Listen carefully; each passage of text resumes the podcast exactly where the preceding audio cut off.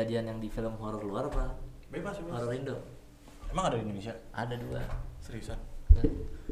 Cek. Pengabdi setan.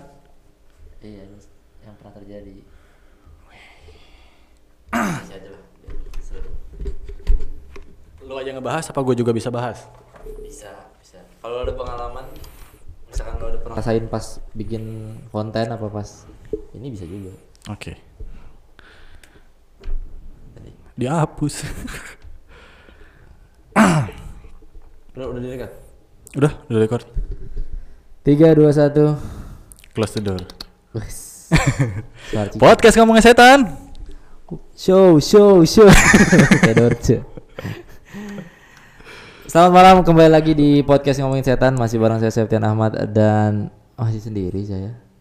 Ada tamu sih masih di episode masih sama kayak di episode minggu lalu ada Bung Valen di sini Oke.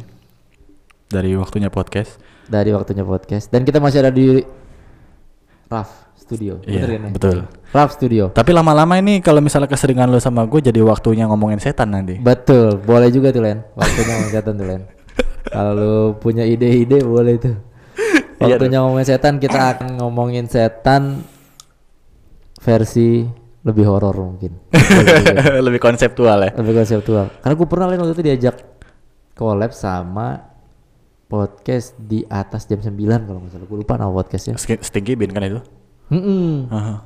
Dia kan pakai holophonic sound ya. Jadi misalkan lu ngomongin "Oh, waktu itu gua pulang dari rumah eh pulang dari kantor ke rumah Aha. naik motor ntar ada suara jalan Shhh, gitu. Jadi dia Ada efek-efeknya. Heeh, keren banget. Pokoknya Oh, oke. proper banget dah ngedit itu bisa dua hari tiga harian buat Oh, ngedit satu podcast doang yang 20 menitan gitu.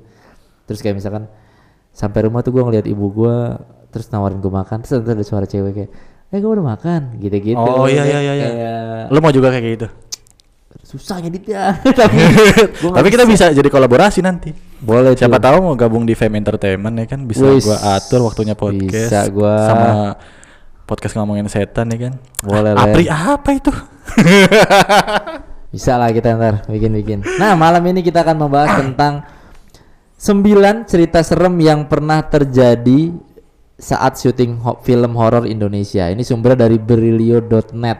Jadi di saat syuting film beneran ada setannya kejadian horornya di balik film horor. di balik film horor. Ada kejadian horornya. Betul. Kan kita Ini biasanya gimmick bukan nih? Kan bisa bisa jadi gimmick-gimmick untuk meningkatkan Hmm. bisa jadi. meningkatkan insight. Eh, eh, bisa jadi buat menarik penonton saat itu. Hmm. Tapi ini kita coba bacain aja nanti kita akan pilih-pilih ah ini kayak gimmick nih enggak mungkin ya. Kita suzon aja dulu. Betul. Jadi kejadian yang pertama itu ada pintu memuai di film Pengabdi Setan. Pintu memuai itu gimana maksudnya? Jadi film remake yang disutradari Joko Anwar ini Mhm. Eh, di balik keseraman yang ada di adegan adegan film ini ternyata ada cerita mistis yang terjadi saat pembuatannya. Salah satunya adalah ketika pintu rumah tempat syuting tiba-tiba tidak bisa ditutup. Jadi memuai berarti artinya membesar ya Iya iya. ukurannya Berarti dari kayak rel kereta siang-siang kan berarti? Benar memuai. Bahkan setelah dikecilkan pun tetap tidak bisa. Daun pintu itu seolah memuai. Jadi diserut gitu kan biasanya kalau pintu diserut, ditipisin gitu tetap nggak bisa. Itu kalau misalnya diserutnya terlalu panjang, kalau misalnya segini ntar katanya ibunya meninggal tuh. Ih jangan. Bukan pensil dua aja dong. Jangan makanya. Dibawa kelingking ibunya meninggal ya. Iya iya kan dulu begitu kan. Iya, Eh, ini kita lagi ngomongin horor, sorry sorry. benar. Ini itu horor juga tuh. Pensil ibu meninggal. Nggak jadi itu katanya ada pintu yang nggak bisa ditutup katanya Len. Itu meskipun udah ditipisin, Udah tetap di- nggak bisa Eh, ditutup. tetap nggak bisa ditutup. Kenapa tuh kira-kira? Eh satu-satunya alasan logisnya adalah memuai memang. Tapi Tapi kan kayu nggak bisa memuai pak. kayu memuai. Memuai emang? memuai ya, memuai dan menyusut jadi bisa Oh. dia itu kalau misalkan ditekan gitu pakai gaya tekan biasanya buat pondasi rumah Jawa itu Ah. itu kan pakai sistem tekan Aha. nah dia bisa lebih padat Oh Nah, jadi kalau- jadi jadi rapat gitu ya kayunya ya Ah. serat-seratnya. tapi kalau ditarik dia bisa memuai juga kayak misalkan pintu gitu-gitu tuh bi- dia bisa membesar lah dari ukuran itu tapi kalau Ah. misalkan diserut terus gede lagi sih gua nggak tahu ya apakah secepat itu memuainya kayaknya sih nggak mungkin Itu tumbuh namanya kalau bukan memuai. Kalau misalnya cepet banget bro. iya sih tapi kalau tumbuh pun butuh waktu kan sehari Iya. dua hari Padahal lagi juga kan pintu kan ke samping ya. Padahal tumbuh itu ke atas bukan ke samping. Bagus. Bagus. Everton Wagen ya. Everton Wagen. Pintu tumbuh ke atas. Jadi ganti gitu ini tagline. Itu tadi pintu ya, nggak masuk akal ya. Nah, kalau yang kedua ini adalah terekam makhluk astral di film Pengabdi Setan. Nah, seriusan emang ada? Masih ada. dalam film Pengabdi Setan, kisah serem lainnya ada ketika terekam suara aneh saat sesi syuting. Sang sutradara sendiri merasa heran dengan kejadian ini. Yang mana ya? yang suara kayak teriakan gitu pas malam-malam. Ada pernah diputerin videonya setelah filmnya Tayang. tayang. Heeh, jadi nggak bukan buat ke- keperluan marketing. Ah. Karena filmnya udah tayang kan. Ah. Udah tayang cukup lama juga. Maksudnya udah udah beberapa hari gitu. Habis itu baru tuh dikasih tahu kejadian anehnya. Fix habis ini gue cari. Gue masih penasaran soal yang yang bagian mana. Suaranya tuh yang seperti apa gitu. Teriak teriak aja gitu. Heeh, dan gak masuk dalam film, dibuang. Maksudnya itu Oh, oke. pas lagi proses syutingnya doang. Oh, oke. Berarti bloopersnya ya? Bloopers mungkin. Uh, roll B-rollnya. Mm-mm. Terus yang ketiga ada pemeran kesurupan di film Midnight Show. Jadi Kesurupan. film yang dibintangi Acha Septriasa dan Ganindra Bimo ini diselimuti horor saat syuting. Saat pengambilan gambar, tiba-tiba Ganindra yang memerankan sosok Bimo kesurupan dan gak bisa mengendalikan dirinya. Proses syuting pun sempat dihentikan sementara waktu. Oh, kesurupan mah. Ya, Kayaknya banyak ya. wajar lah ya. Maksudnya kan lu film Emang horor. kalau misalnya syuting-syuting film horor kayak gitu emang ada harus ada yang jagain gak sih kayak yang para yang orang yang bisa metafisik. harusnya ada kali ya. Harusnya loh. Gue kan nggak tahu nih kalau misalnya syuting-syuting horor Harusnya ada. Beberapa beberapa film horor yang gua tahu mereka memang pakai paranormal uh, untuk menjaga sekedar menjaga kondusivitas syuting saat itu sih. uh-uh. Karena agak-agak riskan kan kalau kayak gitu apalagi Heeh. syutingnya beneran malam misalnya. Iya. Itu Karena bahaya kan ada sih. beberapa ada beberapa sutradara yang pengen kalau setnya kalau di layar malam ya gue pengen ngambil malam. Mhm. Ah, tapi ada juga beberapa sutradara yang penakut. Mhm. Jadi syutingnya siang tapi dibuat malam. Iya ya teknik teknik teknik syuting lah ya. Heeh. Diakalin tapi Apalagi yang di apa kebun-kebun atau misalnya yang di kuburan itu beneran. pengabdi setan kan di tengah Iya iya hutan aduh kan itu kan. itu ngeri banget sih. Oh. Nah yang selanjutnya yang nomor 4 muncul sosok yang terbakar di film Tarot. Ah sosok yang terbakar. Sarah Wijayanto mengalami satu kejadian seram ketika syuting film Tarot. Wanita yang mengaku punya kemampuan melihat makhluk astral ini sempat mencium aroma daging terbakar di saat syuting. Tidak lama kemudian ia mengaku melihat sosok makhluk dengan tampilan bed- badannya terbakar. Aduh, amat. Tapi ini yang lihat kan si Sarah Wijayanto. Jadi Nggak, mungkin ya- yang gua yang gua yang gua bayangin ngerasa serem adalah bau daging kebakar, Pak. aduh, itu kayak Busuk banget dong. lewat dapur abuba. Waduh. ya. Ya sih. Ya nggak sih. Lewat dapur abuba kan. Iya, iya, iya. Bau-bau daging kebakar tuh. Coba kan dagingnya itu daging enak, Pak. oh Ada iya, bubuk, Pak. ya.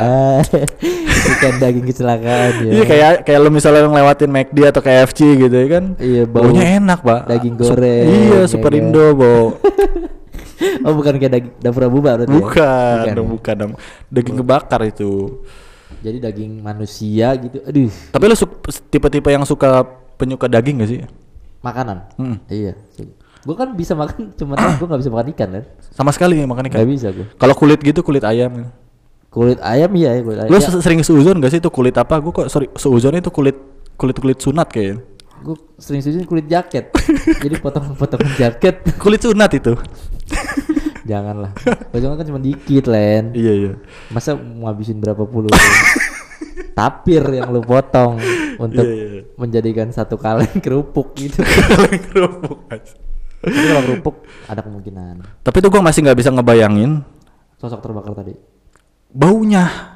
Aduh, itu Itu kan busuk banget pak. Aneh banget pasti itu baunya tuh. Widih. Gue tuh pernah di waktu gue masih ngekos di Semarang, gue lupa tahun berapa itu ada rumah kebakar dan konon katanya ada yang Ininya penghuninya ada yang tertinggal lah gitu. Itu baunya tuh sampai ke kosan gue yang agak jauh itu ke kecium pak. aduh.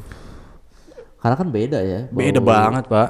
Bau hewan terbakar sama orang gitu terbakar Iya. beda beda jauh banget. Jadi nggak tahu ya ap, Bau- kenapa bisa bau gitu ya. Iya baunya tuh tebel, nggak kayak lu lupa setrikaan gitu, ah. enggak. Bukan kayak barang rumah kebakar gitu bukan kayak gitu Enggak. kan. Sang- sangit apa sih bahasa itu? Baunya baunya nggak enak, lah gitu. pokoknya lah. Ya terus kelima nih tadi bau terbakar ya sama sosok terbakar. Tapi ini ngeliat Sarah Wijayanto jadi Personal ya? Kemungkinannya, heeh, kemungkinannya juga ter- kejadiannya benar. Tangisan bayi di film Danau Hitam saat syuting dilakukan di sebuah rumah tua yang dikenal cukup angker, sejumlah pemain ini pernah mengalami hal-hal aneh selama syuting. Salah satunya adalah sering mendengar suara tangisan bayi. Oh, jadi semua pemain sama kru mungkin diganggu sama suara, tapi kalau suara mah wajar lah ya. Karena ini juga di rumah angker, Bro. Iya, Nggak tahu ya sih lu kayak lu datangin rumah angker buat syuting film horor. ya udah tempatnya. Ya lu mau party ke Holy Wings ya di situ tempatnya gitu. Benar-benar. Ya kayak ini ya yang baru kejadian ya. Apa tuh? Dipegang-pegang di klub malam. Waduh. No komennya gua. Yang enam. Muncul sosok misterius di film Deja Vu. Ajian Puter Gling. Ah, Ajian Putri Gini, Deja Vu, Itu yang, yang Puter film Gini. tahun berapa tuh? Ini film ini udah awal-awal tahun 2000-an soalnya masih di Mas Eto tuh yang main. Ririn Ekawati mengalami kejadian mistis saat syuting di bangunan rumah tua. Ketika itu Ririn mengaku melihat sosok yang ia kira adalah salah satu kru. Ah, Tapi ketika dilihat sosok itu tiba-tiba menghilang dan gak ada satupun orang di sana. Oh jadi personal lagi ya, personal. Eh, ini film udah lama juga ya, Deja Vu ini. Tapi kalau misalnya dia ngelihat seseorang itu bisa jadi karena dia capek juga nggak sih halusinasi gitu? Bisa jadi, bisa jadi. Atau beneran orang yang pergerakannya cepet. Maksudnya Iya. kayak jadi cuman bentar doang ngambil apa terus tiba-tiba Ah, langsung siapa tahu udah ngeprank gitu. bisa jadi. Ya iklan. Iklan tuh kan gua ngeklik iklan. Nah, Mhm. terus yang selanjutnya lah ya. Kesurupan di film Kutukan Arwah Santet. Nah, film-film gila. Sampai judul Gila. bombastis banget. Kesurupan menjadi salah satu peristiwa yang cukup sering terjadi saat syuting film. Sering terjadi, Bro. Berarti berkali-kali. Bener. Kali ini berlangsung saat syuting film Kutukan Arwah Santet. Kejadian ini menimpa Sinta Ratu Ninsya. Itu siapa tuh? Oh perannya nih. Pemerannya. Pemerannya. Kesurupan beneran? Iya. Apa emang adegannya kesurupan? Enggak, kesurupan beneran. Aduh gila.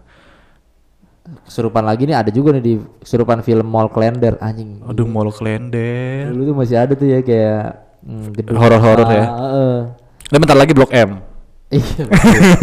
Horor tuh satpol PP-nya biasanya ngusir-ngusirin pedagang. Tuh, jadi kalau ini em, mall ini merupakan saksi bisu kasus kerusuhan dan pembakaran. Jadi, Pembakaran yang 98 dulu ya. eh, eh, di mana banyak korban tewas di dalam gedung saat syuting eh, film ini, kru banyak yang kesurupan. Oh ya, Karena itu bisa jadi memanggil uh, residual energi-energi yang benar-benar. Atau penunggu-penunggu di situ yang Aha. sebenarnya mungkin sudah lama nggak pengen, kerusuhan, tapi karena ada pro- proses syuting, Mhm.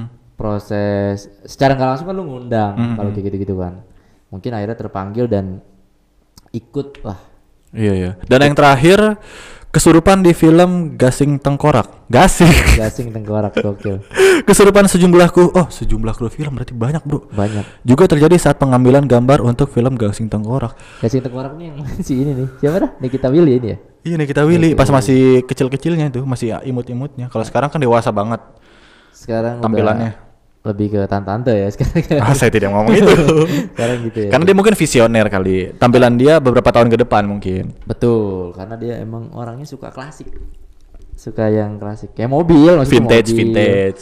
lukisan Ah. suka perangko dia tapi lu tahu gak sih Len waktu Mhm. bikin film Pocong Mumun Pocong Mumun. semua setnya dilakukan di set aslinya jadi misalkan Hah? lu mau bikin eh, adegan di pos ronda Hmm. mereka memilih pos ronda beneran di salah satu kampung I- jadi kalau di kuburan Beneran di kuburan. kuburan beneran. Jadi yang adegan Jeffrey bangun, Mumun bangun dari kuburnya. Itu beneran. ada kuburan. Beneran kuburan. Beneran kuburan digali beneran. Wah. Jadi si Mumun itu pas adegan tiduran terus duduk gitu ya. Sebelahnya beneran mayat, jadi ya beneran beneran kuburan asli. Aku gak ngerti lagi dah. Itu si eh, Haji Mandra yang cerita. Pak Haji Mandra cerita di YouTube dia proses pembuatan pocong mumun memang dibuat senatural mungkin. Karena kan film zaman dulu ngejarnya itu kan kalau yang benar ya. Ah. maksudnya kalau yang kalau yang digarap serius kayak Sidul Sidul kan beneran opletnya dibuat tidak enak biar bawanya tuh kesel kayak gitu-gitu. Terus di pabrik ya pabrik beneran. Nggak ada tuh dulu bikin set untuk menyerupai uh, adegan itu nggak ada Tapi Jadi- ada kejadian horornya nggak tuh di saat Mumun Jeffrey? nah waktu uh, si Haji Mandra cerita saat itu katanya ada satu kejadian Mhm. si Mumun nih udah selesai nih tagnya nih Mhm. si Mumun eh bersih bersih bersih lah di ruang make up maksudnya lepas make up lepas baju segala macem tiba-tiba ada satu kru nyuruh mumun yang Buat- lain di set untuk ganti baju. Mau ngasih tahu kalau misalkan Udah selesai. udah selesai. Pas disuruh kayak mungkin jawabannya iya iya doang gitu. Mungkin responnya ngangguk-ngangguk doang atau gimana. Nah si kru ini baliklah ke ruang eh, kru yang up. lain tempat make up segala macem. Kaget. Lihat ada si mumun aslinya di situ. Lah terus tadi yang di ini siapa? Kayak gitu-gitu. Dan banyak Anjir. Banyak eh, Tapi kalau yang kejadian-kejadian kayak gitu Indonesia doang apa di luar negeri ada sih, Pak? di luar negeri ada juga ada juga nih di luar negeri tadi sih gue dapat artikelnya dari liputan6.com nih lima peristiwa film yang terjadi saat film horor Anjir. ibaratnya Anjir. Tidak di setting sama sekali ya ini, Pak. eh, eh. padahal emang udah siap tadi Nggak, tapi tapi itu tadi kejadian film horor di Indonesia dan katanya sih emang banyak kejadian-kejadian yang yang nggak muncul ke publik gitu Mhm. selama syuting film horor dan cita-cita gue tau gak selain gue tuh dalam Apa tuh? bukan dalam waktu dekat ya gue sih pengen ya Bikin pengen film horor. jadi konsultan film horor Hah? Oh, kalau misalnya komedi kan sekarang udah ada nih konsultan komedi nih. eh terus kan kalau misalkan film eh fiksi gitu Mhm. ada tuh konsultannya Mhm. kayak misal atau film dokumentari gitu Mhm. gue mau bikin film tentang penelitian ini ada tuh konsultannya siap profesor beneran Mhm. nah gue pengen jadi konsultan film horor ya. Modalnya apa? Karena lu punya podcast ngomongin setan. itu satu terus gua gua gua gua tahu gimana horor itu bisa nyampe ke penonton Oke. gua tahu jadi gua tahu logika logika Serem jin. itu gimana? Eh, logika teknis serem itu gimana ah. kayak misalkan ada kalau misalkan ada ada satu adegan gitu lagi motong wortel Hmm. misalkan orang tuanya pasti kan kalau nggak jump scare Hmm. tangan kepotong Hmm. kayak gitu-gitu kan nah gue gue gue bisa bikin adegan yang harusnya jump scare di situ gue ilangin jump scare Tapi tetap takut. bisa bisa gue bisa banyak lah caranya Menarik, menarik, untuk, menarik. untuk membuat satu scene itu horor nggak pakai cara-cara yang stereotip Iya, iya, iya, Misalkan jump scare lah atau atau tangan kepotong atau apa segala macam. Itu dengan referensi yang sejauh ini gue punya dan pengalaman mistis yang gue alamin kayaknya seru nih kalau misalkan ada kayak kalau ada ah, atau enggak nggak usah film deh youtuber horor Iya, iya, Kalau iya. bikin YouTube horor eh gimana sih? Gimana sih biar serem gitu? Iya, iya, iya. kayak gitu. Karena kan selama ini podcast ngomongin setan kalau ada kesurupan gue buang Iya, iya, iya. kalau ada yang kesurupan kalau ada gangguan gangguan Tapi pernah tuh di podcast ngomongin setan kesurupan. Sering. sering orang lagi tag tiba-tiba diketok pintu gitu sering gua biasanya gue ilangin biasanya gue buang biasanya kan gua nge-freeze tuh sama Apri berdua kayak anjing Pri ada sesuatu nih Mhm.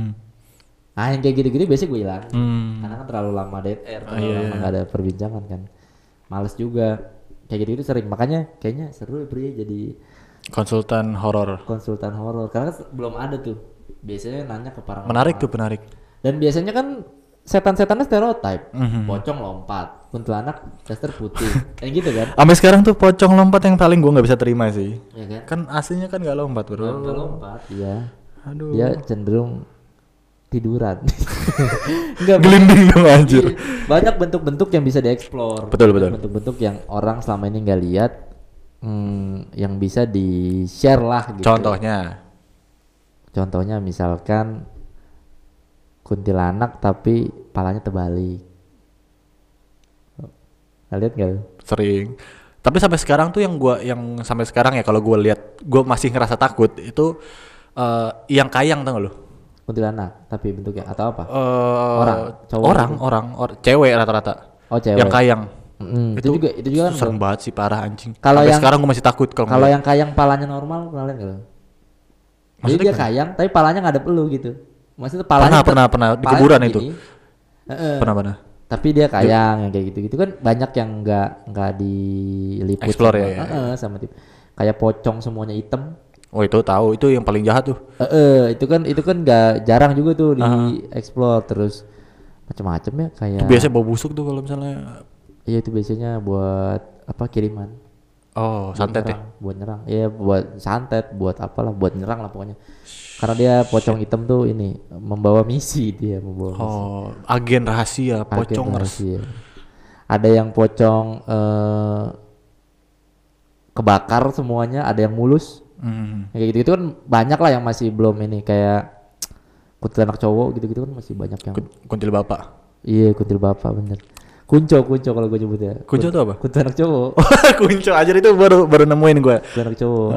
Kuntilanak cowok kan selama ini ngiranya mungkin cowok pakai terbang-terbang pakai baju putih. Ada yang begitu juga. Tapi ada eh, yang pernah sepengalaman gue bentuknya kayak ini kayak smegol tuh nggak? Smegol tuh apa? Lord of the Ring. Ah, ah, ah. kayak gitu bentukannya tapi lebih eh, versi lebih serem lagi. Eh, Tapi rata-rata yang yang kuntilanak cowok kok bagus-bagus ya. Gue nggak pernah ngeliat yang serem-serem ya. nah yang yang serem lumayan nyeremin gitu Biasa tuh di mana tuh dia nangkringnya? Rumah-rumah tua, di rumah kuburan, tua sama di kebun biasanya kebun ya. Mm.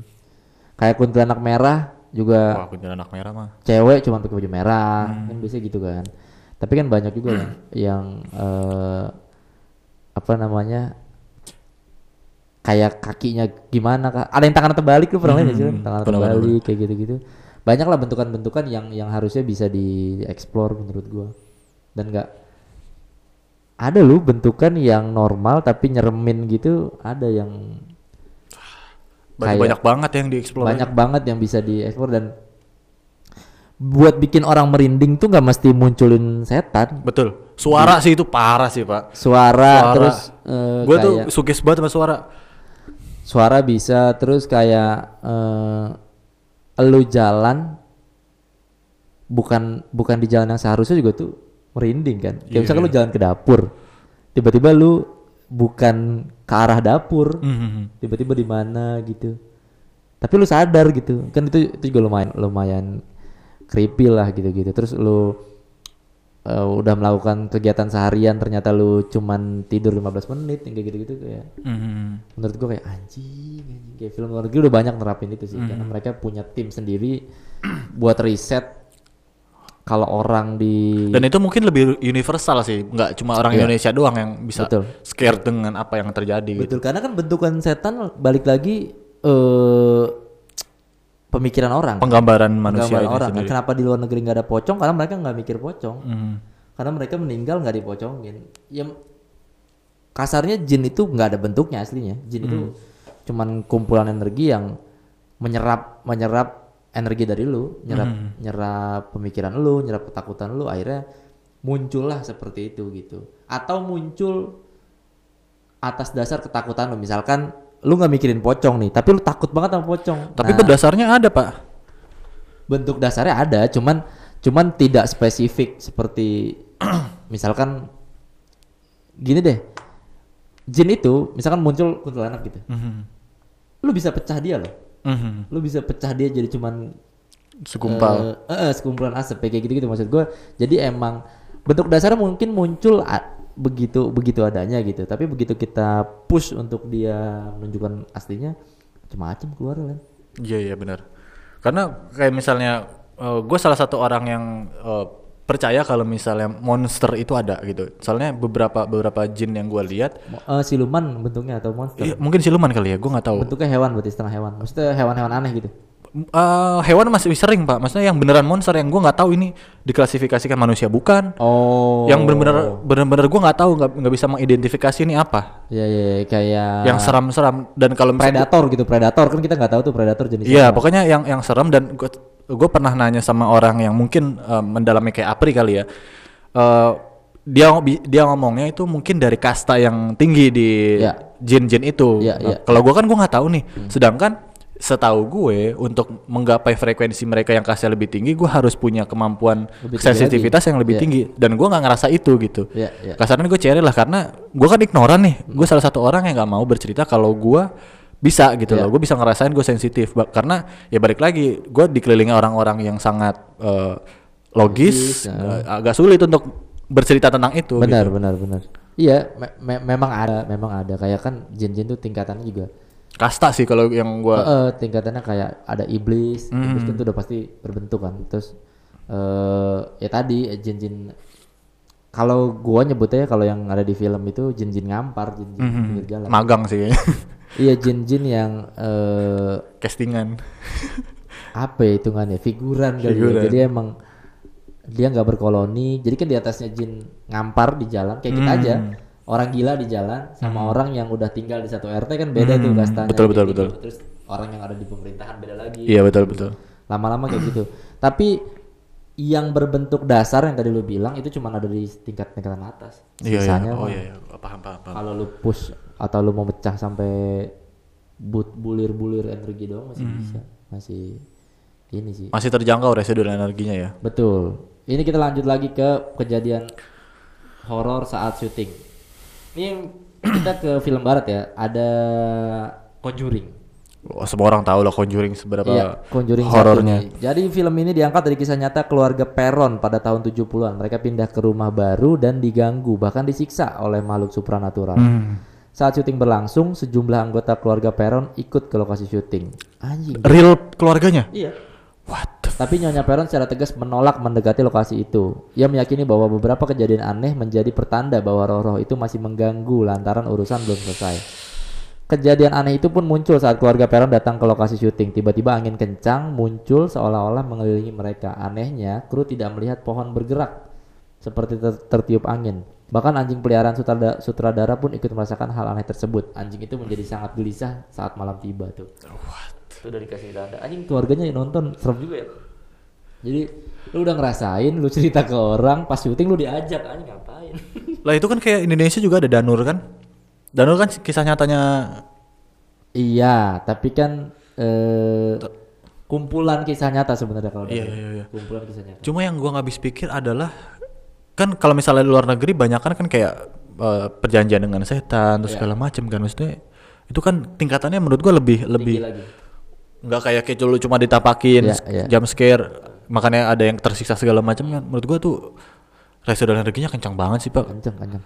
Di Indonesia gue pernah nemuin ada orang yang kemasukan iblis juga ada. Jadi memang dia sudah sampai kontak fisik dan ngerubah bentuk fisik. Jadi itu menyiksa diri juga tuh tuh eh, sejauh ini sih dikurung di dalam satu kamar gitu ya jadi ibu-ibu gitu tangannya tuh hitam mukanya hitam dia tuh selalu teriak nyebut kata-kata aneh gitu kadang-kadang nyakar-nyakarin apa aja yang ada dia makanya keluarganya sekarang takut. Tapi kadang-kadang dia diem kadang-kadang dia normal terus kadang-kadang kambuh. Itu itu udah masuknya level yang lebih tinggi lagi itu udah bukan kesurupan biasa lah itu penguasa cenderung ke penguasaan diri. Iya.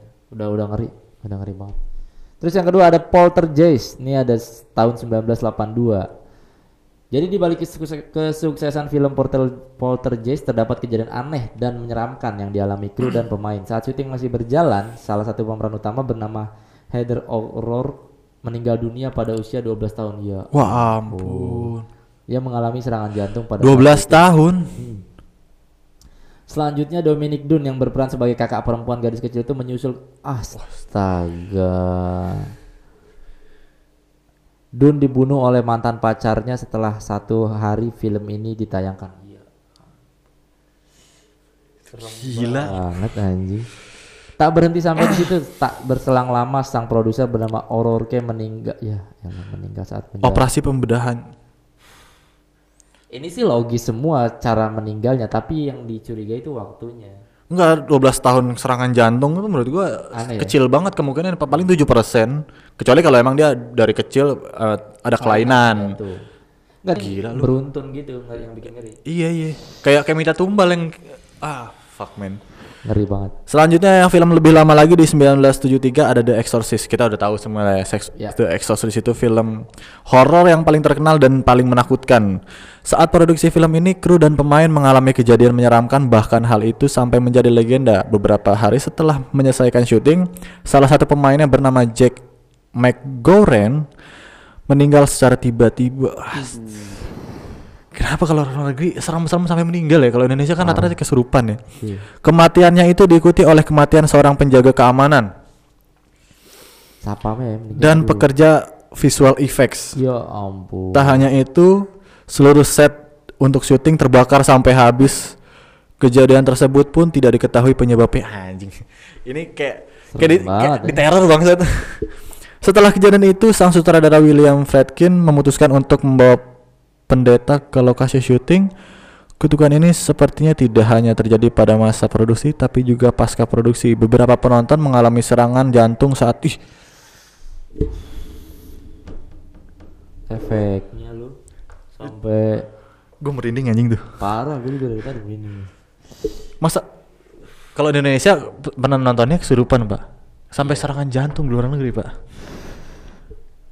The devil inside right?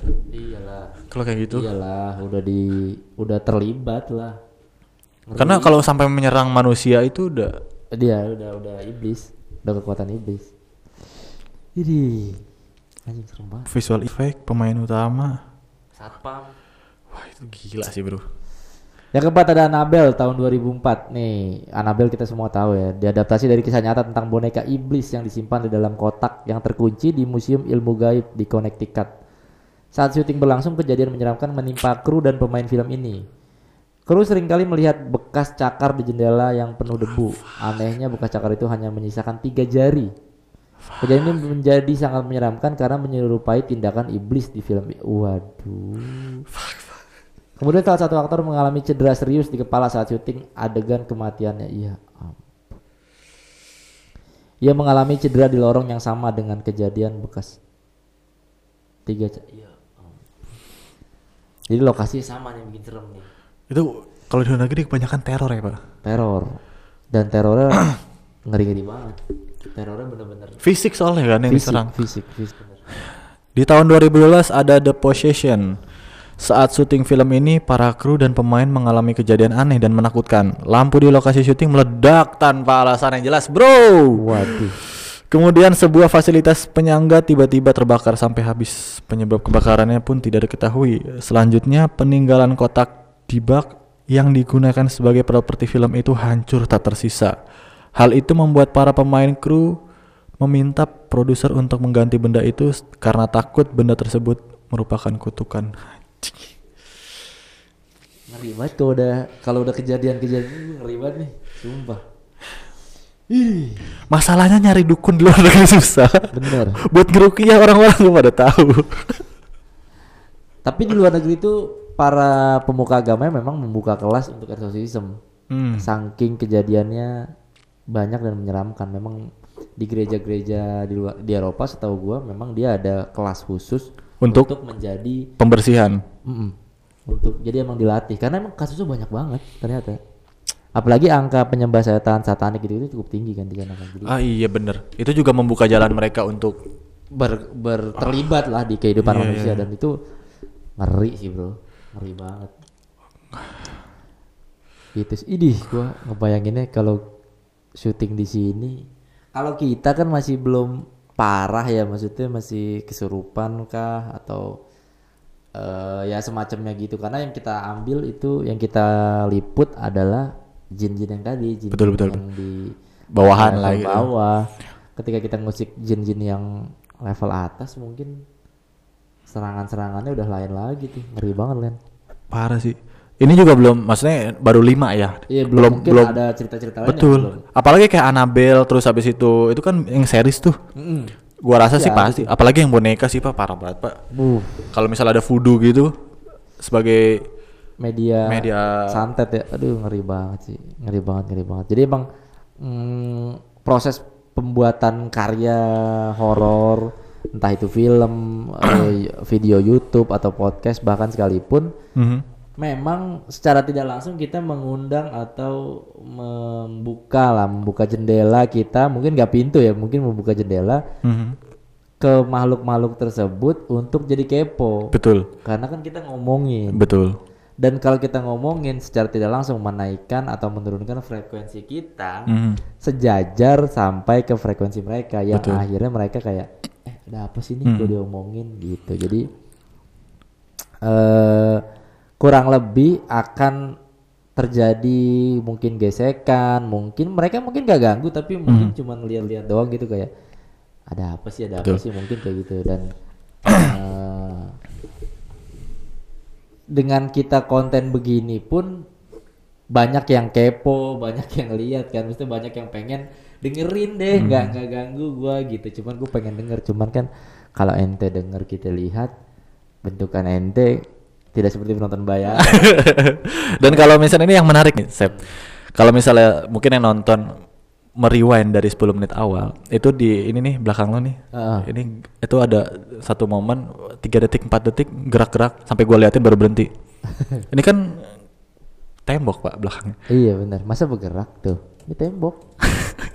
masa bergerak? Ini jangan sampai gue ketok dia ketok balik.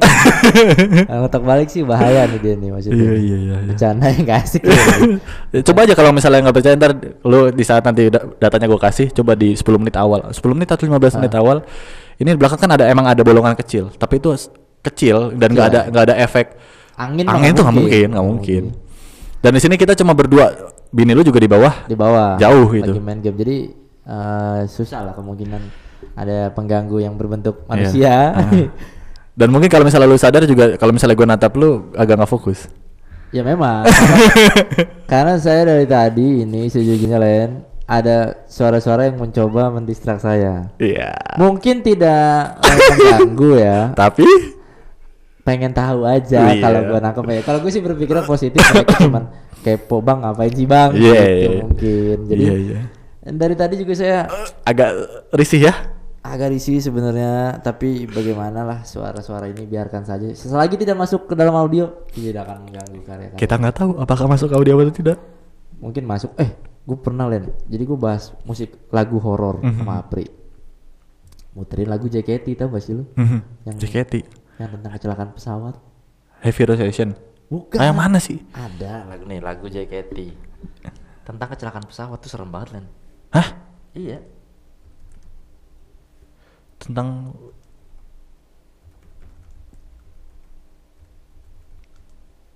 Hmm, pesawat pesawat pesawat kertas Hikoki Gumo judulnya. Nah ini kita lihat lirik kayak.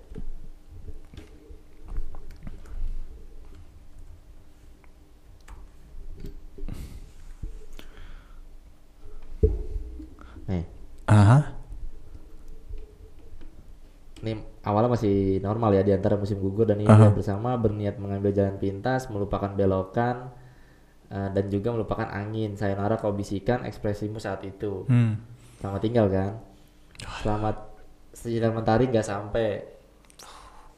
Cinta itu telah layu dan gugur jejak pesawat di langit. Garis putih lurus memanjang, perasaan siapa yang masih ada. anjing Tanpa mampu menoleh ke belakang, jejak pesawat suatu, suatu waktu seperti cakar tajam menusuk, meninggalkan bekas tipis luka baru. Dengan tatapan kosong, diriku memandang kucing yang lewat entah dari mana. Kita bersama melihat kita seperti apa. Lu bayangin nggak? wah kita bersama melihat kita seperti apa yang dicoreti oleh anak-anak jalanan aspal melangkahi semua kenangan suatu tempat kita berdua mungkin kan bertemu lagi. Karena di tempat kenangan terlalu banyak orang-orang. Cinta itu jejak pesawat. Satu gores kuas. Gue saat muterin lagu ini audionya rusak. Audionya rusak. Audio rusak bener-bener sampai gue stop. Handphone gua Ngehang. ngehang gitu. Gue play lagi. Eh, baru tuh baru jalan lagi. Ini pas muter lagu ini jejak awan pesawat judulnya. Jadi dia nih ini banyak kontroversi di lagu ini karena karena eh, ada yang bercerita kalau lagu ini tuh menceritakan tentang dua orang kekasih yang eh, berpisah ah, meninggal pas naik pesawat kurang lebih gitu. Terus dia meratapi kematiannya gitu lah meratapi pesawat itu entah jatuh di laut atau jatuh di hutan gitu. Tadi makanya ada sinar mentari nggak sampai terus dia melihat bagaimana mereka itu serem banget sih itu. Aduh. Sedih bro. Tapi mereka nyanyinya joget-joget ya kan? Ada koreonya. Dan Nah, yang dengar ya oi oi oi oi. lagu ini pakai bendera putih. Bendera putih? Kalau Iya, koreografinya dia. Jadi memang Berduka, berduka. Ah, untuk kayak gitulah berdamai atau berduka gitu. Ih serem banget. Ini rusak nih pas pas bagian ini. Gue juga pernah audio hilang pernah audio rekaman podcast hilang episode episode awal pernah terus pernah ya ini ngomongin eh, bagaimana konten horor dengan kejadian horor beneran ya Iya, iya. iya. pernah kalau misalkan YouTube sih udah pasti karena kan kita memang mengusik-usik tempat mereka karena mereka jadi memang kejadian horor tuh pasti ada Tapi memang energinya mereka udah sampai sanggup mengotak-ngatik fisik ya. Sampai menghapus data rusak. Berarti sama kayak di luar negeri eksos. ada Anjing. Ah, gua gua nih gue sih belum gua udah janjian nih sama salah satu penyanyi sama salah satu vokalis band sih lebih tepatnya Aha. dia punya ah ini ada ngetok itu ada apa namanya ada dia punya lagu punya demo gitu jadi disimpan di harddisk Hmm. itu hilang Satu file. satu harddisk Satu harddisk hilang. harddisk padahal harddisknya nggak terkoneksi ke mana pun adanya di lemari Hmm. itu hilang terus iCloud-nya dia 0 megabyte. Tadinya disimpan di iCloud 0 terus passcode eh, iPad yang sudah lama mati ganti berubah. Dan datanya di dalam hilang semua. Anjing. udah sampai ada yang begitu. Udah ada sampai ada yang kayak gitu. Itu itu gangguannya parah sih. Itu udah. Gue udah janjian cuman belum belum ketemu nih waktunya nih. Udah udah janjian mau tag podcast bareng Wah gila itu gue mau tanyain nanti nanti kalau misalkan tayang akan bombastis pasti karena Gila itu sih gila. itu serem banget Itulah kenapa gua tidak suka dengan kondisi gua yang seperti ini. karena tadi ya kita nggak bisa orangnya di kepo Len jadi Hmm. kita ngomong dikit pengen tahu gitu Cuma yang yang yang apa untungnya lu yang tidak mengalami kejadian ya. Gue tuh sering yang sering terjadi adalah di saat orang bercerita ke gua ada kayak gambaran masuk ke pikiran gua tau gak lu dari apa yang lu rasain, yang lu langsung kisahkan. tergambar gitu kan Iya. langsung tervisualisasi kan Mm. Dan itu ganggu mata gitu. Gua jadi kayak sometimes kanan atau kiri gue tuh kayak sakit karena banyak gambar yang masuk ke dalam mata gua gitu. Disimpan dulu ya Len. Di flash disk gitu kan kita diputar satu-satu. Nggak apa-apa jadi semuanya Itu tapi tapi serem sih. Kalau gua yang ngerasain serangan secara fisik data hilang segala macam serem sih. serem serem lumayan serem. Karena memang ya begitulah keadaannya ke- ngerusak elektronik udah pasti. Kalau yang gue sering rasain cuma diumpetin biasanya. apanya? Ya misalnya kayak kunci jelas-jelas di sini gitu. Gue cari kok nggak ada. Pas gue jalan segala macam udah setengah jam di sini. iya balik lagi entah diumpetin atau mata kita di Iya. lah Iya. gitu Tek- tekniknya banyak cara-cara mereka ganggu tapi emang udah nyebelin sih kalau udah kayak gitu gitu lah Hmm. Godainnya tuh Tolonglah. Hei setan-setan. lagi gini datang lagi. ya nggak apa-apa lah emang dari tadi udah deket-deket sini biasa aja sebel bener gua lagi jadi eh tadi gua mau cerita apa kalau ya Nah kan lupa. Oh enggak kemarin gua habis ini habis apa bantuin orang Kenapa tuh? dekat-dekat sini rumahnya di Pamulang Kenapa tuh? Bantuin apaan? ya itu bersihin rumahnya karena Ah, ah. karena rumahnya banyak begituan gitu Apa? Mesum. bukan ya wisatawan jadi banyak sampah enggak banyak banyak gangguan-gangguan yang bikin keluarganya Satu keluarga? mulu. satu keluarga kasian bener makanya kemarin gue juga eh kan gue juga kadang-kadang terima ini ya email curhat. Heeh. nah kalau ada yang minta tolong-tolong begitu biasanya gua kalau misalkan lagi ada waktunya gitu atau lagi adanya gua Samperin. bisa mungkin gua samperin Hmm. kalau gua nggak kuat gitu misalkan atau gua nggak terlalu mumpuni gua bisa balik gua bawa gua atau gua ajak ke guru gua gitu Hmm. jadi sebisa mungkin lah bantu orang biar si PNS ini ada udah ada beberapa pasien lulusan PNS kok jadi Pasien lulusan PNS gak Bener. tuh? Jadi paling nggak podcast gue ada manfaat lah dikit-dikit gitu. Dibanding? passionate. gitu. Jadi emang ya mudah-mudahan mudah-mudahan teman-teman yang denger kalau ada keluhan, kalau ada apa lu bingung mau cerita ke siapa, lu lu mau sharing tentang ada apa gitu di rumah lu segala macam nggak apa-apa email aja atau Apalagi yang berhubungan dengan syuting. Misalnya lu pernah syuting-syuting atau bikin film-film pendek, pernah kejadian horor pun biasanya paling standar ketempelan ke bawah sampai rumah. Nah, itu ke- standar tuh. Masuk angin ketempelan koyo. Iya bener, paling panas ya sampai pagi ternyata ada koyo.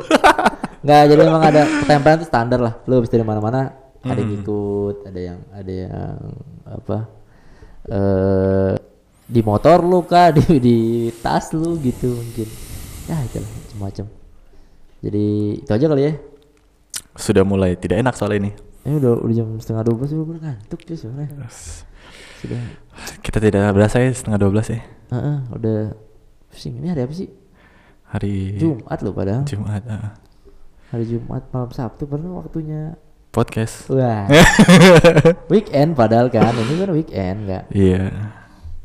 Oke. Terima kasih. Gimana, Pak? Apa yang kalau mau dikomunikasi, komunikasiin aja loh. Enggak, ada yang enggak. Enggak, gue nih gue tahan biar nggak masuk dulu. Enggak, maksudnya kalau misalkan lu menceritakan apa yang lu se- sedang rasakan sekarang nggak apa-apa loh. Hmm. Kali lu butuh di apa namanya butuh tisu api dulu Siap. biar unek-unek keluar. Uya kuya. Uya. Enggak enggak apa-apa. Ya, gue gua eh, dengan lu bikin podcast di sini ngajak gue untuk ngobrolin masalah horor sebenarnya agak em, ngikis lagi nih apa yang udah tebel gitu kan. Maksudnya gue udah bisa ngontrol kan. Heeh. Dengan kita ngomongin kayak gini yang lu bilang tadi kita membuka komunikasi saluran komunikasi yang Lu sudah coba lu coba ini lu Filter, coba, filter. Lu gua coba filter. nih tadinya Ah, ah. biar kerannya ag- seg- seginilah Ah, gitu. ah. Tapi begitu ngomong-ngomongin setan, settingannya berubah lagi, Eh, iya. harus nakar-nakar lagi gitu. Ya nggak apa-apa lah ya, namanya juga kan rezeki itu rezeki lu kan, Iya sih, cuma Iya kan? maksudnya kan kena- kenapa gue pengen bisa ngontrol dan filtering adalah supaya bisa menentukan gitu. Kapan lu ah, mau, kapan ah. enggak? Kan gak lucu lagi lagi kerja gitu ya kan. Kan emang gue biasanya yang lain udah pada balik jam 5 jam 6, gue sampai malam di sini gitu. Maksudnya gue nggak mau gue terhindar dari hal-hal yang gue nggak mau Iya, kan iya, gitu. iya, iya. Karena mereka-mereka yang mencoba untuk ganggu di saat gua nggak terganggu, mereka juga be- kayak bete gitu loh. Heeh. Memutuskan untuk ya udah nggak usah lah. Tapi di saat gua terganggu, kayak nah, Makin, nah, makin. iya itu loh maksud gua. Itu kan yang ngesel ini daripada syaitan itu gitu. Dan eh, kadang-kadang kita kalau lagi capek banget mau nimpalin juga males kan. Betul. Nah itu yang Betul. dihindarin. Tapi lu sekarang masih masih sampai sekarang bisa mengontrol sempurna nggak? Apa belum? Apa masih Ngontrol sempurna dalam hal apa tuh? mengontrol itu settingan itu udah udah ketemu belum ya? Udah udah ketemu. Ta- makanya dengan dengan kayak gini tuh gua agak menahan kan. Ah. Gitu. Maksudnya kalau misalnya emang mau dibuka buka sekalian bisa. Oh jadi jadi udah ketemu lah settingan kerannya tadi. Betul. Cuma di saat lu ngomongin kan otomatis kayak gue ini lu tuh mau membuka maksa gini loh ngerti sih? Jadi gua harus nahan tetap Oh. tertutup gitu. Apa buka aja? Terbuka semua biar kita semua ah Kenapa? apa-apa biar kita ini aja apa penonton kan udah ada nih. Jadi, biar kita open gitu, open Iya. minded ke orang-orang jadinya. Gimana nih, diudahin apa? Berapa menit sih? Udah Tahu sejam lah kayaknya. Iya, Ah, gua nggak stopwatch lagi lupa. ya Ya udahlah. mau bahas apa lagi emang? Lu yang mau lu tanyakan apa? Lu ngerasa terganggu sama yang mana nih? Apanya? Hantunya? Nggak ada gue sih nggak ada yang terganggu kan Oh. gituan. Kalau gua untungnya sekarang ya udah ada di fase yang kalau misalkan ada yang mencoba mendekat-mendekat gitu gue udah ah gue udah tahu gitu. Gue udah tahu kunciannya. Hmm. jadi ada mau ganggu-ganggu. Kayaknya aman lah. Eh, suara-suara gak enak ya ya? Dari tadi gua kuping gua gak enak bener nih sumpah lu. Mungkin Valen perasaannya mungkin hatinya gitu udah bisa melihat. Gua kuping-kuping gua nih aneh bener. Iya. Apa suara-suara anak kecil? udah. Suara suara-suara bisikan. Mm-mm, gak enak bener. Jadi udahlah. Kayaknya kita udahi saja podcast malam hari ini. Ini udah cukup horor teman-teman. Kalau buat yang eh, dengar ini pada kita tempat terang lah ya? Terang. tempat terang lingkungan juga bagus ruko-ruko rame tapi Tadi dulu Len. Bener-bener berasa pusing kan? pusing sih kagak ini gue nih. Berisik ya? iya mau ah! Ada bau-bau aneh? nggak ini sih. Rada-rada jauh. Cuman boleh Kecil. lah nih kalau mau nantang menantang boleh lah tantang balik saja. Oke lah kalau gitu. Kan lu lu lu setuju gak kalau misalnya lu nyiumnya bau itu jauh berarti dekat. Nah. Kalau dekat berarti kan berjarak Ah. gitu. Udah tak ini gua. Dari tadi. Sebenarnya tuh lain gua semenjak semenjak apa namanya belajar ke Lampung waktu itu kan. Bukan belajar sih. Ceritanya mau nganterin Apri. Tapi kecipratan gue bilang sama Pri Pri ini podcast kita terancam nih kita, Hmm. dengan kita ke Lampung ke tempat guru kita yang eh, sakti lah gitu. Mhm. Itu tuh kemungkinan dua. Antara buta dua-duanya sama sekali nggak bisa ngerasain karena dibersihin gitu. Atau? Atau dua-duanya jadi sensitif. Hmm. gue bilang gue bilang gitu ke Apri ya udah kan bagus kalau lu bisa sensitif juga kata dia gitu. Dulu gue sangat orang yang sangat logis dan gue eh syuting gitu gue uji nyali di mana di mana juga nggak nggak nggak merasakan hal yang gimana gimana gitu setelah pulang dari Lampung kayaknya nggak ada seminggu gitu lah dua dua hari tiga hari puncak lah gue ceritanya sama bini gue sama teman kantor. Dan then yang terjadi adalah? Naik motor tuh naik motor kan dulu kan naik motor lah. Eh rame-rame gitu turun gitu Set. pulang nih baru sampai Po- pondok petir curug ya curug. Hmm. mau ke rumah bini gua kelilipan ceritanya nih. Mhm. mata kanan gua berarti kanan gua kelilipan terus tapi gua eh, kucak-kucak. gue coba keluarin kotorannya nggak ada. Mungkin ah mungkin udah keluar ah, ah. positif. Positif aja lah gue emang positif five gue kan anaknya kan. Hmm. jadi terus gue coba obatin segala macam bengkak lah ternyata makin bengkak. Akhirnya gue seminggu diperban 10 hari lah diperban gue wow Nick Fury lo iya. Jadi gue satu mata pusing banget tuh kerja Iya, iya, segala iya. macam pusing banget. Soalnya satu mata kan naik motor.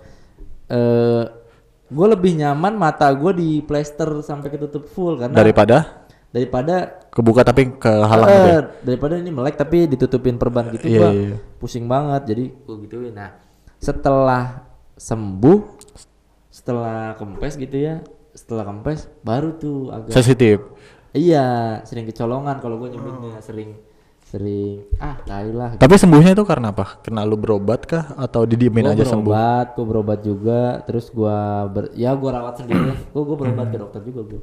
Karena kan gua takutnya iritasi apa segala macam kan. betul betul namanya kelilipan Debu. gitu. Mm-mm, takutnya ada emang ada kotoran yang nyangkut di dalam apa gimana. Gue berobat, udah dibersihin segala macam, akhirnya sembuh lama-lama. Nah gue nggak tahu itu kelilipan bener apa kelilipan apa gue nggak tahu. Yang jelas setelah itu mata gue jadi tidak seperti sedia kala lagi. asik proses transformasi ya Iya kali ya, gue nggak tahu. Tapi jadi nggak enak, jadi jadi sering kecolongan. Kalau capek apalagi kalau gue pulang dari mana gitu. Ya ada, ada lah. lu sering kecolongan di pohon-pohon nih Di mana-mana. di mana-mana. Jadi awal-awalnya? Awal di mana-mana sih emang di jalan sih. Di jalan paling banyak cuman ya jadi jadi ini aja jadi jadi lebih ya. aja gitu. Tapi se- sepertinya lu menarik banyak huntu-huntu perempuan ya. Iya. Kalau saya adalah gladiator. Gladiator huntu. Gladiator itu nggak tahu ya gua kalau kayak gitu-gitu tuh eh sekarang sih udah di tahap yang ah, udahlah lu mau ada di sekitar saya. Ayo gua bilang kayak ayo. Dengan berbekal guru. Jadi ngadu kalau ada apa-apa ngadu Kalau ada gua. jadi kalau ini kan kalau syuting gitu kan pulangnya rawan kan maksudnya betul betul. entah tempelan. Eh, eh, makanya apalagi kalau misalkan sering mediumisasi tuh teman-teman gue yang sering mediumisasi rutin tuh dibersihin karena kan bolong ya iya si cakra-cakra atau kekuatan dalam dirinya berkurang kan? Mm. karena sering dilaluin. Kalau gue kan kagak bisa di mediumisasi udah nyoba beberapa kali emang kagak bisa gue nggak tahu apa karena gue nggak terlalu percaya? Maksudnya nggak terlalu eh, gaib gitu? Masih ada radar, radar logis dikit? Atau kenapa gue nggak tahu? Gue nggak bisa nggak bisa di lebih ke energi lu banyak sih surupi gue nggak bisa disurupi. Surupi anjir. Iya iya nggak bisa iya. kesurupan nggak tahu. Gue sih pengen sebenarnya kayak nyoba mediumisasi gitu tapi emang gak bisa ya gimana? Kalau bisa gimana? Tapi gue butuh apri sih. Iya nggak nggak bisa si Apri juga iya nyoba. bareng sama gua. Karena gue juga pernah berhadapan sama orang yang sama kayak lu. Oh gitu? Iya persis banget. Bahkan mungkin lebih songong dia nah masalahnya gue nggak songong. Iya, maksudnya yang eh, gue bukannya malas, gue takutnya malas sombong nih. Eh, dia aja yang yang eh, Sompral sompra, bukan bukan sompral lagi, udah sombong gitu. Kalau Ah, misalnya lu sombong. Iya, kalau misalnya emang Kena lu bisa dia. bisa kena. Ya kalau yang sombong iya biasanya. Iya, makanya kan nyari celahnya. Awalnya tuh dia nggak nggak sesombong itu awalnya. Oh, Jadi ngerti nggak sih lu maksudnya? benar, benar, E- benar. Energi lu di saat ngobrol dikuras. Ngerti kan maksudnya? Iya, benar. Yang awalnya mungkin cuma bisik-bisik, tak lama-lama kerasa disentuh. Iya iya iya. Nah, si Apri tugasnya untuk ngebolongin. Oh. Jadi kan yang kalau misalnya mungkin bahasa lu cakra ya, kalau misalnya aliran energi di tubuh kita kan rutin tuh kayak arus. Iya betul. Nah, tugas kan. tugas salah satunya adalah salah satu yang gua tugas adalah untuk uh, mindahin arusnya Heeh. ke gue. Nah, satu lagi itu untuk nembusin Oh. gitu. Dan itu pernah dan itu berhasil. Sampai seminggu, mungkin sampai sekarang dia nggak kan kalau misalnya udah terbuka sedikit, udah terbuka, nggak mungkin bisa rapet. Pasti ada walaupun sedikit pasti ada. kaca kan dia. Ah, ah. Jadi kalau udah bolong atau retak se- itu nggak bisa ini lagi. Iya. Eh, kunci lu, eh, kunci. Ya. Ada lagi nih. Udah biarin aja biarin terus itu. Iya. Dia pengen lihat tampilan yang lain. Iya. Kayak Chandra Leo mungkin kan. Udahlah. Aduh Len, udah banyak banget nih. Sulit banget nih gue. Ini di, di depan ada yang nungguin lu soalnya. Boys. Bawa ini poster. Ya, mau minta tanda tangan. Podcast ngomongin setan gitu. Oi, oi, oi. Kita setannya beneran loh. ya gitu lah, Pak. Eh, udah jam hampir jam 12 ya, Pak. ya udah 23.45 kita tutup ya. Iya. 4 menit lu mau isi apaan lagi nih? Lu mau nanya-nanya, lu mau mau kulik-kulik dari gua apa? eh, lu pasti penasaran kalau gimana bisa eh orang yang yang tidak mungkin awalnya bukan nggak percaya juga, gua percaya sih basicnya. Yang lebih logis bisa bertahan di topik horor berlama-lama. Lu ini Hmm, alasannya bukannya adalah karena lu sebenarnya dalam jauh dalam lubuk hati lu, lu juga penasaran dengan hal itu. Memang penasaran, memang penasaran. Awalnya memang karena penasaran, pengen Ah. nanya-nanya doang Ah. sebelumnya. Gitu. And then alasan lainnya adalah Karena saya adalah, langsung gitu. siluman ular. Siluman. Enggak kan, awalnya penasaran, sampai sekarang juga gue masih penasaran, masih nyari tahu, masih baca buku, masih. yang paling serem atau yang paling mengganggu lu sebagai orang yang baru bisa merasakan melihat Paling serem ya? paling serem atau paling mengganggu menurut lu? Kan siapa tahu menurut lu yang tampilannya biasa aja tapi gangguan di lu entah itu suara atau segala macam Sejujurnya ya, tidak ada yang serem. sama sekali. Sama sekali. Gue Yang distracting gitu. kalau yang ganggu doang, maksudnya yang sampai kayak eh ini, ini juga ya, apa? Hmm. eh, kesian gitu-gitu atau atau ini sih mm, sering ya sering ganggu itu lumayan banyak kayak yang tadi kayak kebakar kayak gitu-gitu banyak cuman menurut gue masih Wajar. belum nyeremin lah masih belum nyeremin Maksudnya bukan belum nyeremin kayak terdengarnya arogan banget nih Hmm. belum ya gue nggak ngerasa itu adalah hal yang serem lah Atau sugestif buat lu. Suges banget nih gua kalau denger ini gitu. Gak ada lah Nggak ada sama sekali. Gak ada lah Bagus bagus. Soalnya kalau gue dari kecil itu mungkin karena sugesti dari dulu dari kecil gue tuh selalu terdistract sama suara mainan. Kayak- mainan yang di yang di crack, crack, Ah, musik box gitu-gitu. Iya musik box. Itu gue sebenarnya nggak serem kan kalau di Indonesia. Nggak, gue jadi jadi terdistract. Suges. Heeh. Karena? dan, dan dan itu eh, bisa membuyarkan konsentrasi atau eh, filtering gue tadi. Oh, settingan keran lu bisa Betul. otomatis kegeser. Kereset gara-gara gara-gara gue ngedengar suara itu meskipun itu so- tidak ada suara aslinya ya maksudnya bu- itu YouTube secara meta, atau di- metafisik Oh, metafisik oke. meskipun metafisik kalau apalagi kalau misalnya ada musik box beneran ya Mhm. gue langsung ngesuges Kalau dia dari YouTube gitu sama juga. Maksudnya suara itu dari YouTube atau dari TV yang lu denger gitu sama juga. belum pernah sih cuma kayaknya sih akan sama gue bukan takut cuma kayak anjing suaranya lagi Emang kenapa? Pernah pernah nggak tahu kejadian? Oh, nggak tahu otomatis aja gitu. otomatis aja karena mungkin eh, basic keturunan gue dari luar kali ya dari kecil tuh musik box selalu jadi mu- Oh, kayak musuh dari luar ya? Iya gue kan eh, cam bel- eh, half Belanda juga kan Kakek apa apa sih? kakek dari keturunan dari kakek. nyokap. dari nyokap Dari bokap. nyokap Oh, nyokap. Tapi emang berarti yang zaman lu penjajahan lu berarti ya Hmm. nyisa-nyisa di sini apa gimana? ya biasa kan kalau misalnya penjajah dulu kan nikahin pribumi, Pribumi. Heeh. Oh, tapi Jawa berarti basically ya? Iya, kalau misalnya dari nyokap Jawa, kalau misalnya dari bokap gua Padang. Kalau dari bokap gua kebanyakan pemelihara harimau, Oh iya Padang. inyek. Heeh, Pariaman kan. apa pada ya daerah Sumatera Barat itulah. Kalau gue di Solok, di yang agak pedalaman. Kayak kalau apa namanya? Yang dari garis bokap ya kalau yang Belanda ya? Eh, Padang kalau bokap. Kalau yang Belanda nyokap. Belanda. Belanda nyokap. Oh, berarti benar dari Jawa ya di pulau-pulau Jawa lah maksudnya. Jawa Tengah. Mm, kan ada eh, banyak loh dulu ada kampung Inggris, ada apa segala macam yang penjajah-penjajah ketinggalan. Eh, benar-benar benar. Ya mungkin dari situ kali ya. Nggak Dari- tahu. Dari nyokap itu. Karena gue pun nggak pernah mainin itu musik box yang asli. Gue nggak belum pernah mainin. Hmm. Belum pernah ketemu terus gue puter-puter tuh nggak pernah. Sama Karena sekali. main mahal kan itu kan, mainan orang. nggak tahu. Mainan orang ini. Tapi itu selalu suges dan menghancurkan konsentrasi gue terhadap filtering itu. kalau lagu nasional Belanda lu enggak? Enggak sih. Nggak Enggak ya? ada urusan sih Enggak anjir. ada ya. Kirain langsung. Berarti Fahmi penjajah ya langsung. Ya sih? Hmm, Lu suges nggak kalau lihat bambu runcing? enggak. Enggak ya? Enggak lah, enggak. Ntar ngelihat uh, pensil 2B runcing takut Nah. gue, enggak lah. Iya juga ya. Apa pitung lu nggak ada suka bawaan pengen nyari? Eh, Pitung tuh masih hidup gak sih? Enggak lah, udah enggak. Enggak ya? Kan udah dipisah-pisah biasa. Ah, Pitung kan gak ada kuburan, lu tau gak sih? enggak tahu. Pitung tuh gak ada kuburan ya. Terus Dia itu waktu mati ditanam kan? dipisah. Rawa lontek kan dia. Eh, Kalau misalnya itu Nyatu. dia nyatu, hidup. Jadi dipisah, harus dipisah. Mati juga pakai peluru emas kan? iya itu tekbalnya kan dari situ kan. Ah, harus dipisah. Terus ada satu sosok lagi, bukan selain eh, itu pitung satu. Eh, Zaman-zaman penjajahan ada Surip Tamba Oso namanya. Surip Tamba Oso itu dari daerah Sid- sidoarjo sana. Mhm. Jadi dia itu sangat berbakti kepada ibunya sampai di level kebatinannya tuh dalam banget lah gitu. Hmm, ilmu pih ya. Eh, jadi setiap ibunya manggil dia pasti datang. Mhm. Dari sesederhana dipanggil dari rumah dia lagi main dia pasti pulang. Mhm.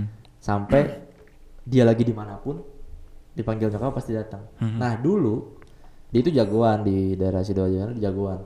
Dicari-cari Belanda, Mhm. dibunuh segala macam, dibunuh berkali-kali dipanggil nyokap bangun. Pulang. Lorontek juga tuh asli itu. Nah, Belanda caranya cara ngebunuhnya, ngebunuh ibunya ya. Dibunuh ibunya dulu baru si Surip. Nggak bangun lagi? Gitu. Hah? Nggak bangun lagi baru setelah ibunya. lagi. Karena dia cuma bangun dipanggil ibunya. Anjingnya ada lo orang berbakti gitu. Ih, Tapi kalau misalnya ilmu putih yang modelannya begitu, maksudnya bukan bukan ilmu hitam ya, itu menurut gua sangat rasional buat ada di Indonesia. iya karena banyak. kan. Se sesimpel ya sunan-sunan gimana bro? Iya sih. Pendahulu-pendahulu kita juga kan emang eh, ajian-ajian atau kalau nggak pakai gituan sih katanya dulu nggak hidup kan katanya dulu untuk untuk menyebarkan agama Islam kan musuhnya Betul. musuhnya banyak sekali dulu. Contoh simpelnya kayak gendam deh. Awalnya kan gendam itu kan dari sunan kan, Heeh. karena bahaya dulu di Iya. saat mengajarkan agama Islam, terus habis itu ada yang nggak suka segala macam, diancam bunuh segala macam. Yang membuat gendam menjadi negatif adalah orang-orang yang tidak bertanggung jawab Betul, terhadap ilmu tersebut. Pun kayak misalnya eh apa ya ilmu-ilmu yang seperti itu ya terus yang jadi arahnya ke mana-mana itu bukan ilmunya yang salah tapi Betul, siapa penggunanya. penggunanya sama Betul. kayak pisau aja gitu Betul. makanya orang-orang Indonesia banyak yang nanya kalau misalnya emang orang Indonesia sakti kenapa kita bisa dijajah 350 tahun ya pertanyaannya adalah emang orang Indonesia semua membela Indonesia Iya. kan kita dari dulu pecahnya kan karena sendiri. saudara Iya benar. banyak dari orang-orang hebat kita yang juga membela mereka Benar, penjajah benar. gitu Benar. Bahkan orang-orang yang bawa-bawa pun banyak yang banyak yang ngebela atau ngedukung penjajah demi uang kan Betul. dulu. Bahkan Jadi- bisa membela apa membela mereka meninggalkan teman-temannya seperguruannya dia segala macam. bahkan melaporkan temennya yang lagi berjuang kayak gitu. Betul. Ngasih Termasuk pitung kan ya, kelemahannya kita kasih tahu sama siapa. Iya benar. Sama. Gue nggak tahu nih bener atau enggak ya. Cuma gue sempet eh, mengkonfirmasi itu secara nggak langsung karena ada beritanya. Dulu di zaman penjajahan ada ada waktu di mana eh, entah Jepang entah Belanda itu mau ngebombardir Indonesia di jalur Pantura. Tapi sama sekali tidak ada ledakan di situ. Hmm. Logika gua berarti kan Jawa pernah digeser Iya. ya kan nah nggak lama dari gua tahu informasi itu yang awalnya gua nggak percaya nih ternyata di saat pas waktu gua nonton TV ada eh, YouTube atau apa gitu yang eh, mengkonfirmasi kalau di laut eh, utara itu ada beberapa nuklir-nuklir yang masih aktif. Ah, Ngerti gak sih maksud lu? iya, iya, Jadi iya. nggak nggak ke daratan tapi ke laut. Iya iya iya iya. Secara logika eh, kemiliteran nggak mungkin orang Meleset. jatuhin meleset Mm-mm. Karena kan nuklir. nuklir dan itu nggak mungkin di pinggir dong. Ngerti gak sih? Iya. Jatuhin ada ya. kemungkinan kalau tanahnya geser, tapi Betul. masa tanah geser? Dan masa ja- sejauh itu soalnya Iya. ditemukan di laut, di Iya. dasar laut. Nah itu sampai sekarang belum ada jawabannya ya. gue nggak ngerti tapi gue pernah tahu cerita itu dan terkonfirmasi dengan berita itu di Hmm. di eh, tujuh keajaiban apa gitu yang pokoknya di Bahwa TV. bahwa nuklir nuklir nuklir itu diduga tersesat, diduga Mhm. tapi salah itu sepanjang sasaran. sepanjang jalur Iya iya iya. Ya, Gua nggak ngerti deh itu. Penjelasan Gimana penjelasan? Salah alamat lah gitu lah, Iya, iya, salah iya. jatuh. Iya, iya. Ah, penjelasan eh, secara media atau secara logisnya. Padahal kan kalau mau ditarik kesimpul apa kesimpulannya gitu, kayaknya sangat tidak mungkin untuk sebuah eh, nuklir, apalagi lebih dari satu meleset. Mhm. Meleset aja tuh udah udah aneh kan. Mhm. masa ketiup angin iya nuklir itu kan bukan berarti bukan segram dua gram Iya, gitu ratusan ton gitu dan dia sangat presisi ditembak di sini jatuh di sana tuh udah udah penuh perhitungan kalau misalkan meleset dan beberapa unit melesetnya itu agak dan itu bukan yang ditembakin tapi dijatuhkan dari pesawat. Nah itu apalagi? Kemungkinan melesetnya kecil. kecil kan? Iya. Tidak mungkin juga pesawatnya tidak lihat gitu karena karena udah lihat daratan di mana dia jatuhinnya di situ harusnya gitu. Dan memang cerita-cerita kayak gitu su- heroik gitu ya sangat melegenda dan beberapa beberapa ilmu yang dipakai sama orang-orang terdahulu masih ada yang pakai dengan banyak gue yang salah gunain. Akhirnya gue yang gue temuin ya beberapa orang ada yang masih pakai rolontek Len. Mhm. akhirnya pas pas di akhir hidupnya rada susah, susah dia men- meninggalnya? Heeh, karena ya itu rolontek kan lo tau sendiri kagak mati-mati. Susah banget. Terus dia masukin masukin berapa puluh atau berapa ratus jin tuh ke setiap pori-porinya kan kalau rolontek jadi emang sel-selnya itu udah diganti sama jin. Ada sebuah eh aji bukan ajian ya benda lah gitu minyak gitu dari Kalimantan. Itu tuh bisa misalkan tangan lu putus diolesin minyak itu sambung lagi. Lah dikira lem kali bos? Sumpah ada. Jadi eh, ini kisahnya malah nyata banget nih teman gua nyokapnya stroke. Ah ditawarin minyak itu sama temennya. Ah. Lu mau nggak nih pakai minyak ini? Terus? Ritualnya gini gini gini ah. Harus pas bulan purnama lah harus segala Ah. macam. Jaminannya nyokap lu normal lagi. Hmm. cuman isiannya udah lain ngerti gak maksudnya sih gimana? Jiwanya atau software kecampur-campur. Ibaratnya iPhone tuh di apa? Jailbreak. Ah di jailbreak. Di jailbreak. Kalau udah jailbreak kan iya iya. Nggak nggak ada jaminan. nggak mau tuh. Iya nggak ada terima kalau- jaminan. kalau sakit iya. Kalau rusak. Nah, pernah sempet ditawarin. Nah cuman temen gua ini yang nyokap sakit bilang ah daripada ntar nyokap gua sembuh tapi aneh-aneh ya kan. Dan, nggak usah." dan itu ada. Yang kayak gitu tuh ada beneran dan gue pernah lihat langsung minyaknya. Itu tingkah laku eh tingkah laku. Ya ritual yang harus dilakukan dilakuin tuh juga lumayan banyak soalnya. Ah, shit. ngeri bro. Sampai sekarang nih 2021 masih ada, di sekeliling kita. Masih ada. Dan dan gue herannya ya kisah-kisah yang berhubungan dengan metafisik tuh kebanyakan di Indonesia seperti ditutupin pak ya, tabu. Kita kita masih nggak mau ngomongin itu gitu. Kita masih atau memang ada ilmu metafisik yang tugasnya adalah mengelabui itu. membuat ini tidak tahu aslinya seperti apa? Ya memang kan beberapa sejarah beberapa cerita-cerita kan memang tidak diizinkan untuk diceritakan kan kita kita tahu lah banyak banyak beberapa cerita-cerita yang jin bukan jin ya apa sih maksudnya makhluk-makhluk gaib itu sepakat untuk tidak memberitahu Mhm. ke manusia terus sebaliknya juga mungkin ada manusia-manusia yang tahu tapi tidak mau lah tidak mau nge-share cerita itu banyak lah banyak Iya, iya. gitu. Karena juga ada eh, salah satu ilmu yang gua lupa namanya gua pernah dikasih tahu adalah untuk membuat orang lupa. Ada. Itu yang dipakai salah satu sunan juga di saat dia membunuh, dia lupa nih kalau dia membunuh. Iya, iya. Jadi Ada memang untuk menjaga menjaga kejernihan itu. kejernihan cerita Ya. mungkin ribuan cerita yang harusnya bisa jadi sebuah cerita yang bisa menyemangati segala macam ilmu-ilmu ini mungkin ada ada suatu zaman di saat ini ilmu suatu suatu saat akan jadi rusak kalau misalnya tetap terjaga makanya dibuat lupa gue nggak tahu ya walau alam Benar, ya. benar, benar, benar. Kan banyak kemungkinannya ya, banyak banget bro mm, bahkan bukan cuma ilmu metafisik, ilmu-ilmu dunia pun kan banyak dihancurin. nah itu Kayak gitu-gitu. Betul, Maksudnya banyak banyak dihilangkan biar peradaban tuh stagnan gitu, biar biar peradaban tuh eh, di situ-situ aja sih kalau gue lihat. betul bahkan gue berani jamin kenapa eh, bukan berani jamin sih maksudnya gue eh, salah satu kemungkinan besar kenapa di saat zaman Nuh ditenggelamkan sedunia adalah karena se- zaman sebelum Nuh Zaman yang sangat canggih. parah Nah, Nabi Sulaiman tuh.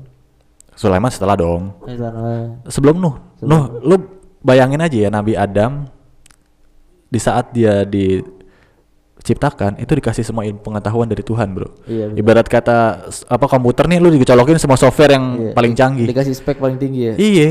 Terus habis itu lu di ke bumi cuma sama Hawa Hawa pun sari-sari dari Adam punya anak semaju apa tuh keturunan Adam dan Idris? Iya benar. di saat Nuh mungkin banyak yang jadi ingkar tapi lu bayangin seberapa canggihnya mereka. Iya benar. dengan kemampuan otak paling tinggi di dunia Berhadapan dengan hewan, berhadapan Betul. dengan tumbuhan saat itu gila banget pasti. iya makanya ditenggelamkan Iya perpustakaan yang di Arab juga kan yang gede banget itu kan. nah udah- itu pas di Yor- ya, Yordania ya Oh di Indonesia itu kan juga sumber pengetahuan juga, sumber ilmu yang katanya banyak menyimpan ilmu-ilmu yang sekarang kita pakai, cuman dulu sengaja di ini. ya kita masih terlalu sedikit ilmu yang kita tahu untuk mengenal dunia sih Betul betul. metafisik Jadi- eh, ada suara kucing berantem aneh bener.